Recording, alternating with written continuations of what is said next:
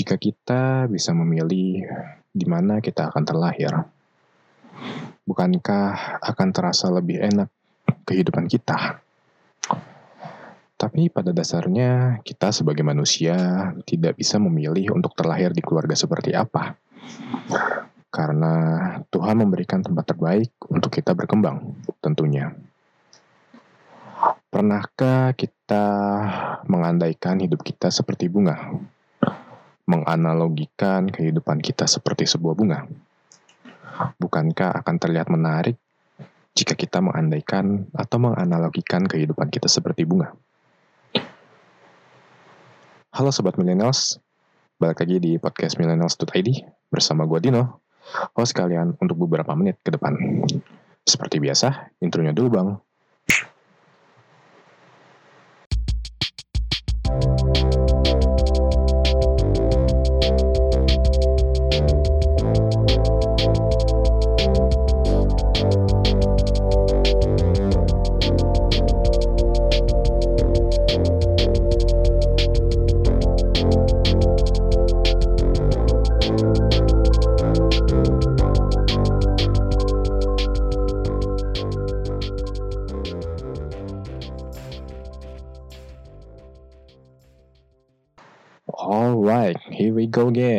Balik lagi di podcast millennials.id bersama gue Dino tentunya. Dan ya mungkin banyak yang bertanya, kok gue jarang update ya uh, belakangan ini. Ya dengan keadaan pandemi seperti sekarang ini membuat gue pusing juga dengan pekerjaan gue di kantor.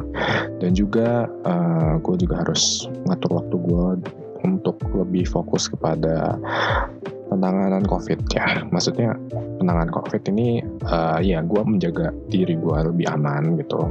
Karena gue harus nggak boleh stres juga, nggak boleh banyak melakukan kontak dengan orang lain gitu.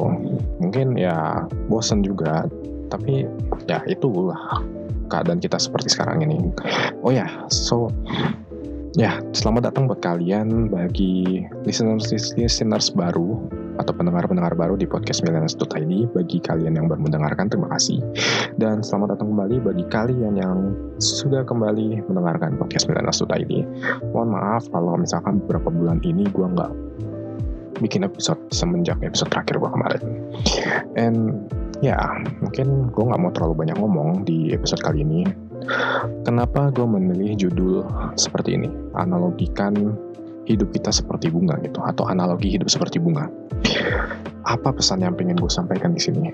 Pesan yang ingin gue sampaikan di sini adalah bahwa sebetulnya hidup itu bisa kena analogikan seperti sebuah bunga gitu. Mungkin ada yang bertanya di awal tadi kenapa gue ngomong uh, kalau bisa milih hidup terlahir di keluarga seperti apa mungkin akan enak kali ya. Tapi ternyata Tuhan itu nggak seperti itu gitu. Tuhan itu memberikan tempat terbaik yang menurut dia baik bagi orang tersebut. Seperti halnya gini, kita membeli bibit bunga gitu. Bibit bunga kita beli dan kita tanam gitu di pekarangan rumah kita. Tapi tahu nggak sih, kadang ada beberapa orang yang nggak tahu cara menanam bunga dengan baik gitu. Let's say uh, gini, kita sebagai orang yang dibuild dari keluarga kita, mungkin bapak bertanya, ah kenapa aku begini? Mah, kenapa aku begini? Mungkin ada yang bertanya-tanya seperti itu dalam kehidupan mereka. Bahwa nyatanya uh, sebuah anak yang diberikan dalam keluarga itu adalah sebuah anugerah. Anugerah bagi orang tuanya, rezeki bagi orang tuanya, dan juga masa depan bagi orang tuanya juga. Lalu apa hubungannya analogi hidup dengan seperti bunga gitu? Dengan podcast kali ini gitu. Gini. Bunga itu banyak macam-macamnya gitu. Bunga itu banyak macam-macamnya memang manusia itu terlahir tidak bisa memilih. Tapi kalau dilihat baik-baik, uh, bunga itu bermacam-macam jenisnya. Ada yang bisa hidup di gurun, ada yang bisa hidup di hutan belantara, ada yang bisa hidup di pekarangan kota, ada yang bisa hidup di tempat yang harsh atau tempat yang sangat-sangat berbahaya banget, toxic, di pegunungan berapi, atau di ya tempat radioaktif, atau di luar angkasa, di stasiun luar angkasa tentunya. Nah, berlanjut dari situ, bunga itu kan macam-macam jenisnya. Ada bunga melati, bunga mawar, ada bunga anggrek, ada bunga matahari, lalu ada bunga edelweiss, dan bunga-bunga lainnya yang mungkin banyak macamnya dan nggak bisa gue sebutin satu-satu tentunya. Tapi jika ditelaah lebih dalam lagi, kehidupan seseorang itu bisa kita analogikan seperti bunga. Seperti contoh bunga melati. Bunga melati itu dia hidupnya sangat nyaman gitu. Nyaman bagaimana maksudnya? Nyaman dalam artian orang senang dengan bunga melati. Orang senang dengan bunga melati karena melati itu melambangkan seperti sebuah keindahan gitu, simbol sebuah keindahan dan sesuatu yang elegan, sesuatu yang suci karena dia berwarna putih, melati tentunya. Dan juga biasanya bunga melati ini lebih umum digunakan dalam acara pernikahan, melambangkan sebuah kebahagiaan. Jika kita melihat sebuah bunga melati, kita adem gitu, baunya harum, lalu indah dipandang. Tapi ada beberapa orang yang juga mungkin terlihat di luar itu ya bagus seperti bunga melati, tapi ternyata ada juga orang-orang yang seperti bunga mawar. Mempesona warnanya atau kepribadiannya. Lalu dari segi dirinya sendiri, bunga mawar itu melambangkan sebuah hal yang manis dan romantis. Ada juga warna dari bunga mawar yang biasanya merah, biasanya putih, dan juga biasanya bunga mawar itu bisa digunakan sebagai tanda kebahagiaan di suatu acara pernikahan.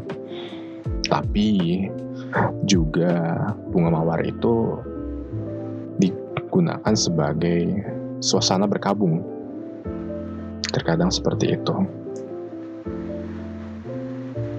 Bunga mawar itu identik dengan kelembutan, rasa syukur dan terima kasih.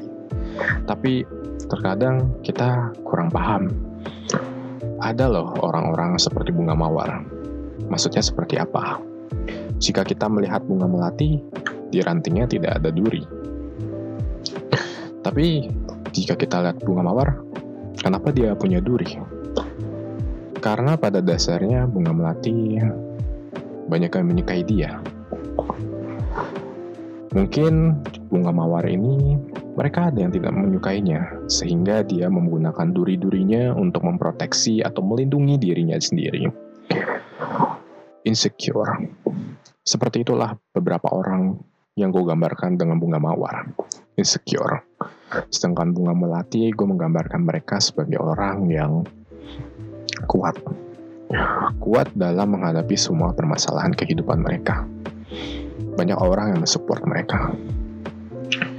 Lalu ada juga bunga matahari, di mana bunga matahari ini melambangkan sebuah bunga yang mempunyai energi positif ketika kita melihatnya. Memberikan kebahagiaan, keceriaan, semangat, optimisme, dan juga kreatif. Kreatif maksudnya gimana? Bahwa setiap gue melihat bunga mawar atau gue mengandaikan orang seperti bunga mawar, mereka itu kreatif. Mereka pantang mundur untuk mencari sebuah jawaban atau solusi dari suatu permasalahan mereka. Tapi ada hal lain dari bunga matahari. Mungkin yang kalian tahu biji bunga matahari gitu kan. Ya, di bunga matahari ada biji bunga matahari yang bisa dimakan oleh hamster biasanya atau manusia pun juga makan yang kita sebut biasanya kuaci. Dan itu merujuk kepada simbol yang gue gambarkan seperti persahabatan. Maksudnya apa? Persahabatan ini adalah bunga matahari diibaratkan sebagai sahabat menurut gue. Sahabat di mana kita saling berbagi gitu. Bunga matahari punya biji matahari yang bisa atau kuaci lah kita sebutnya. Yang kita bisa bagikan kepada orang lain gitu. Kita bisa bersahabat dengan orang lain. Dan juga kita tahu bahwa biji bunga matahari memiliki manfaat bagi orang-orang yang tahu. Yang di mana bunga ini akan terbit mengikuti arah matahari hingga terbenamnya. Lalu gue menyebutkan ada juga bunga anggrek gitu. Bunga anggrek ini adalah bunga yang memiliki suatu hal yang sangat luar biasa Kenapa? Luar biasa ini adalah luar biasa karena bunga anggrek ini banyak spesiesnya. Yang paling sangat-sangat jarang gue temui adalah bunga anggrek berwarna putih dan red orchid. Putih dalam bunga anggrek menggambarkan bahwa kehidupan seseorang itu sangat diagung-agungkan, indah untuk dilihat. Lalu, bunga anggrek berwarna merah melambangkan sebuah harapan, sebuah cinta, yang di mana merah atau red orchid ini adalah bunga yang sangat jarang ditemukan, seperti pasangan kita dalam kehidupan kita. Karena kenapa?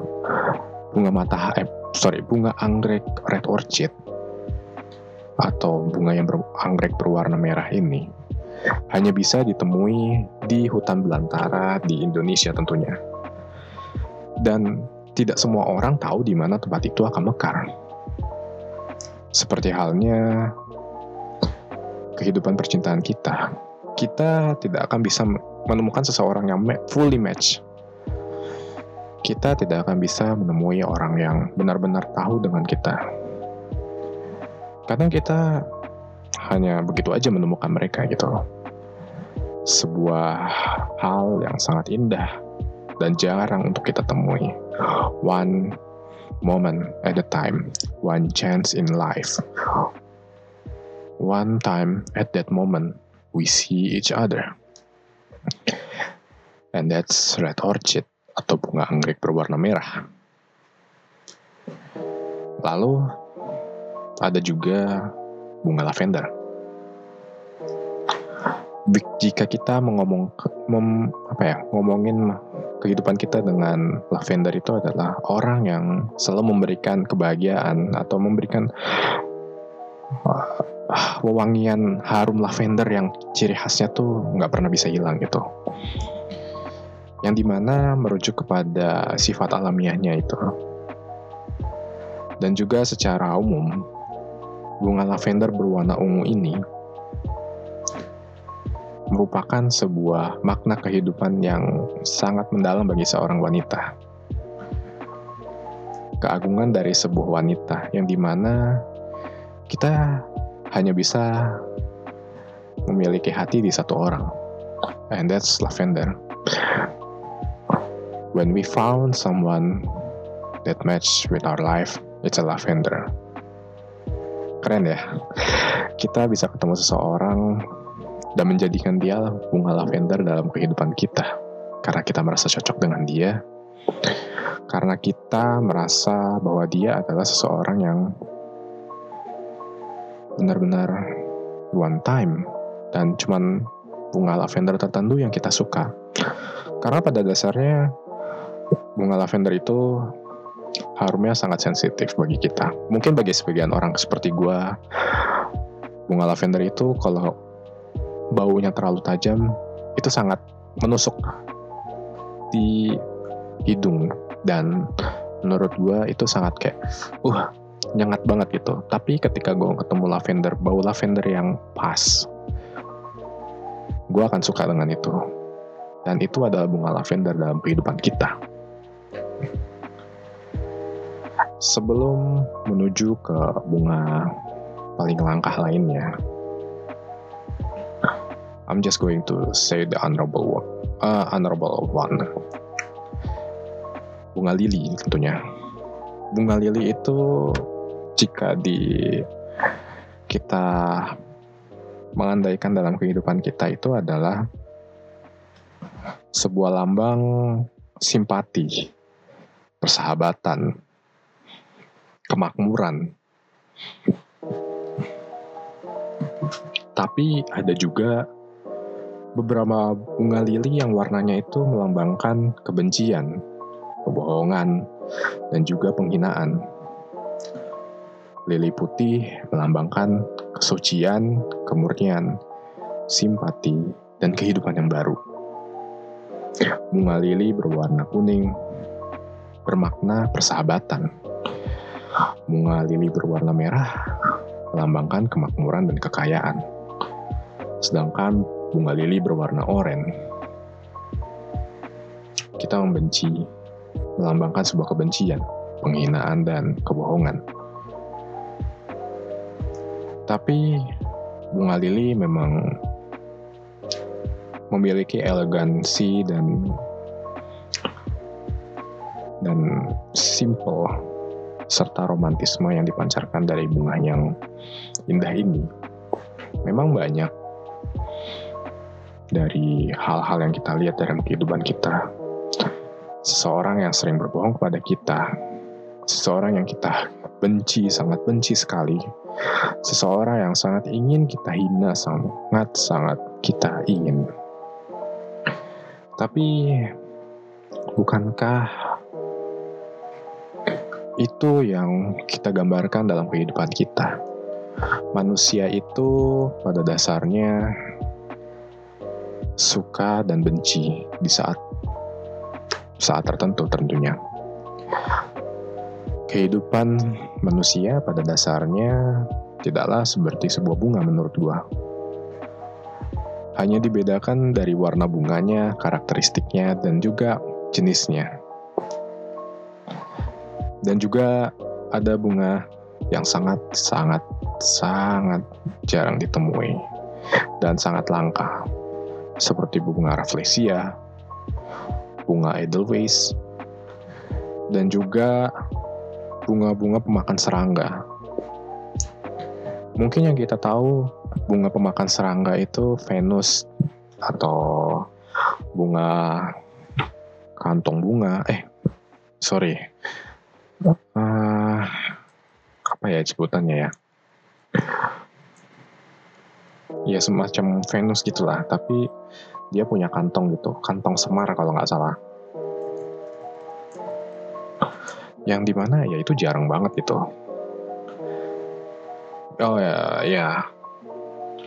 Kantong pemakan tikus dan juga apa bunga pemakan apa bunga ketak ketakong pemakan tikus. Salah satunya. Dan yang paling mungkin ada juga yang oh sorry. Kantong semar lebih gampangnya. Ya disebutnya kantong semar. Venus kantong semar dan juga banyak jenis-jenis lainnya. Jika kita melihat bunga-bunga makan serangga ini kita beranggapan bahwa ada orang-orang yang mungkin dalam kehidupan kita mengambil atau memanfaatkan gitu kehidupan kita tapi ada juga dari mereka yang hidup dari orang lain, seperti kalangan-kalangan bawah dari masyarakat. Mereka diibaratkan menurut gue bisa gue, ibaratkan seperti tumbuhan pemakan serangga yang di mana day to day-nya mereka hidup dari makan serangga, hidup dari sana. Tapi tanpa orang kalangan bawah, sebuah negara tidaklah bisa berkembang menurut gue seperti itu. Tapi pada nyatanya bunga pemakan serangga itu sangat dibutuhkan bagi kehidupan kita. Kenapa? Karena mereka adalah bunga-bunga yang mungkin memang tidak sebagian dari mereka punya apa ya orang tidak tertarik melihat mereka tapi serangga tertarik dengan mereka maksudnya apa maksudnya mereka punya value bagi diri mereka sendiri dan orang lain gitu. Setiap bunga punya value-nya masing-masing. Ada yang wanginya harum bagi manusia, ada yang wanginya harum bagi serangga. Maksudnya ya mereka punya value gitu. Value yang akan bermanfaat bagi manusia juga. Tapi mungkin orang berpikir, Din, kalau lo mengandaikan kehidupan orang kalangan bawah sebagai tumbuhan pemakan serangga, berarti mereka tidaklah indah dong kehidupannya. Ya bisa gue bilang, iya iya, nggak mereka kehidupannya tidak indah. Day to day mereka, kehidupan mereka hidup satu hari demi satu hari gitu. Seperti kalau kalian bisa mengandaikan hidup itu setiap hidup setiap setiap orang punya jam di tangan mereka. Setiap orang punya waktu di tangan mereka. Mereka bisa melihat waktu mereka. Kehidupan mereka ya dilihat dari seberapa banyak serangga yang bisa mereka makan itu adalah nutrisi bagi mereka dan kita dan gue menganggap bahwa day to day-nya orang kalangan bawah pun juga mirip seperti itu berbeda jauh dengan kehidupan bunga-bunga yang indah yang kita lihat. Yang pada dasarnya bunga itu yang indah bentuknya. Subur di tanah yang sesuai dengan karakter mereka. Berbeda terbalik dengan tumbuhan pemakan serangga yang mereka bisa hidup di pot kecil yang ya di tanah kapur ya, tapi subur. Harsh condition lah, tanah merah, tanah pasir, tanah kapur. Tapi tanahnya itu subur untuk di mereka tumbuh di sana. Jadi mohon diperhatikan baik-baik bahwa ya yang gue maksud di sini adalah kehidupannya. Kehidupannya sedikit berbeda. Itu yang gue anggap dari tumbuhan pemakan serangga. Lalu yang terakhir itu dari tumbuhan pemakan serangga mungkin nggak secara langsung directly berhubungan ya gue lupa sih ini ilmu IPA tapi bunga rafflesia banyak orang yang nggak suka dengan mereka karena mereka itu baunya sangat menyengat ya kalian tau lah bunga rafflesia itu seperti apa baunya baunya tidak sedap bentuknya gede tapi mereka itu bunga yang jarang dan perlu untuk dijaga dan dilestarikan. Karena bunga ini sangat-sangat jarang sekali tumbuh. Dan jika kita mengandaikan itu ke dalam kehidupan kita atau menganalogikan itu ke dalam kehidupan kita, bunga rafflesia itu memang adalah sebuah bunga yang kita bisa merefleksikannya mungkin kepada diri kita atau diri orang lain. Ada seseorang yang sangat tidak menyukai kita atau orang lain tidak menyukainya menyukai dia. Karena dia tidak di luar dia terlihat tidak baik tapi ternyata dia itu baik dari dalam dirinya dia dan jarang sekali orang tahu mengenai dia itulah yang gue anggap sebagai kehidupan sebagai bunga rafflesia di mana jarang orang tahu mengenai dia secara mendalam. Tidak mengetahui detail tentang dia, tapi orang benci dia karena dia bau. Dan juga, ya dia itu jarang orang yang tahu. Lalu terakhir, yang paling sangat langka adalah bunga Edelweiss bunga yang hanya ada di setiap pendakian. Seperti contohnya ya di, di Gunung Lawu, Gunung, Gunung Semeru, Merbabu, Papandayan, rinjani. Bunga yang sangat jarang sekali dan ketika orang melihatnya bunga ini sangat bagus dipandang. Tapi tidak boleh dipetik. Kenapa? Karena pada dasarnya bunga ini dilindungi oleh undang-undang. Seperti halnya anak kecil gitu. Bunga edelweiss ini kalau gue bisa andaikan sebagai sebuah anak kecil lah. Dia tumbuh butuh waktu lama untuk tumbuh, sekitar 10 tahun. Lalu tidak boleh dipetik. Maksudnya tidak boleh dipetik adalah kita tidak boleh menjadikan anak kita sebagai suatu beban ketika dia dalam masa pertumbuhannya dia. Yang di mana secara hukum pun kita tidak boleh serta-merta mendidik anak dalam hal yang tidak baik gitu. Menelantarkan mereka, lalu kita harus mendidik mereka dengan baik. Mereka juga butuh kasih sayang, mereka juga butuh ayah dan ibu mereka. Bayangkan kalau misalkan mereka terlahir di dunia ini, lalu orang tuanya membuang mereka gitu masih tumbuh, baru masih bayi. Terus mereka ditelantarkan di depan rumah, di depan rumah sakit, di depan rumah panti asuhan, atau di tempat-tempat yang kita tidak tahu gitu. Kadang dibuang, menyia-nyiakan kehidupan mereka. Padahal anak itu adalah sebuah anugerah yang kita kita tunggu dalam kehidupan kita anak adalah sebuah hal yang diibaratkan dalam bunga. Edelweiss ini adalah sesuatu yang populasinya nggak terlalu banyak.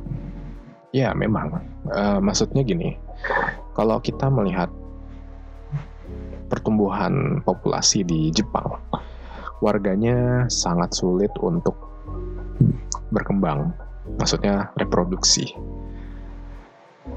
Coba bayangkan kehidupan kita adalah orang Jepang yang tidak ingin punya anak, tidak ingin punya keluarga, eh ingin punya keluarga tapi tidak ingin punya anak. Bayangkan kalau misalkan negara Jepang yang super powerful, pintar, dan juga inovasinya bagus banget menurut gue ya, itu tiba-tiba nggak ada penerusnya. Karena mereka tidak ingin berkembang gitu dan dan juga karena banyak orang yang sangat egois dalam kehidupannya mereka juga menjadikan ya populasinya itu berkurang gitu. Tapi bunga edelweiss ini kalau gue gambarkan mereka itu sangat strong. Kenapa? Strong karena mereka bisa di bisa hidup di tanah yang tandus gitu. Tanah yang tandus dan juga sangat minim dari yang namanya uh, tanah yang subur gitu. Dan seperti kita tahu bahwa ketika bunga edelweiss ini dipetik, maka semakin sedikit populasinya. Itulah menurut gue kehidupan sebuah anak kecil yang mungkin terlahir di kehidupan keluarga yang accidental atau broken home atau ya orang kedua orang tuanya telah tiada seperti itulah kehidupan yang gue bayangkan dengan bunga edelweiss yang sangat cantik ini dan sangat elegan. Oke, okay, mungkin dari podcast gue ini di episode kali ini mungkin agak sedikit hmm, agak bingung ya. Mungkin kalian boleh mendengarkan lagi podcast ini, terus menjadikan podcast kali ini di sebagai sebuah refleksi untuk uh, kita melihat diri kita itu seperti apa sih gitu. Jadi uh, di sini tuh gue bukan mau ngejudge lo tuh jadi bunga apa, lo jadi bunga apa gitu, tapi gue lebih mau kepada memberikan gambaran bahwa kehidupan kita itu ya bisa diibaratkan atau dianalogikan seperti sebuah bunga gitu. bunga itu kan macam-macam punya sifatnya masing-masing dan juga dia punya keunikan masing-masing. So, jadikan podcast kali ini sebagai sebuah re referensi untuk refleksi kepada diri kalian. Gue itu seperti apa sih sebetulnya? Jika kalian bingung, jika kalian bingung, kalian itu seperti apa sih sebetulnya? Refleksikan diri kalian seperti sebuah bunga. Refleksikan diri kalian sebagai sebuah bunga yang pada dasarnya punya berbagai macam jenis, sifat, dan juga jenis-jenis yang sangat identik dengan diri kalian. Karena kehidupan kita nggak jauh beda dengan sebuah bunga gitu. Menurut gua ya. Menurut kalian mungkin bisa beda lagi. Oke, okay, that's all from me. I hope you get insight from this episode and see you in the next episode. Seperti biasa, outro-nya bang.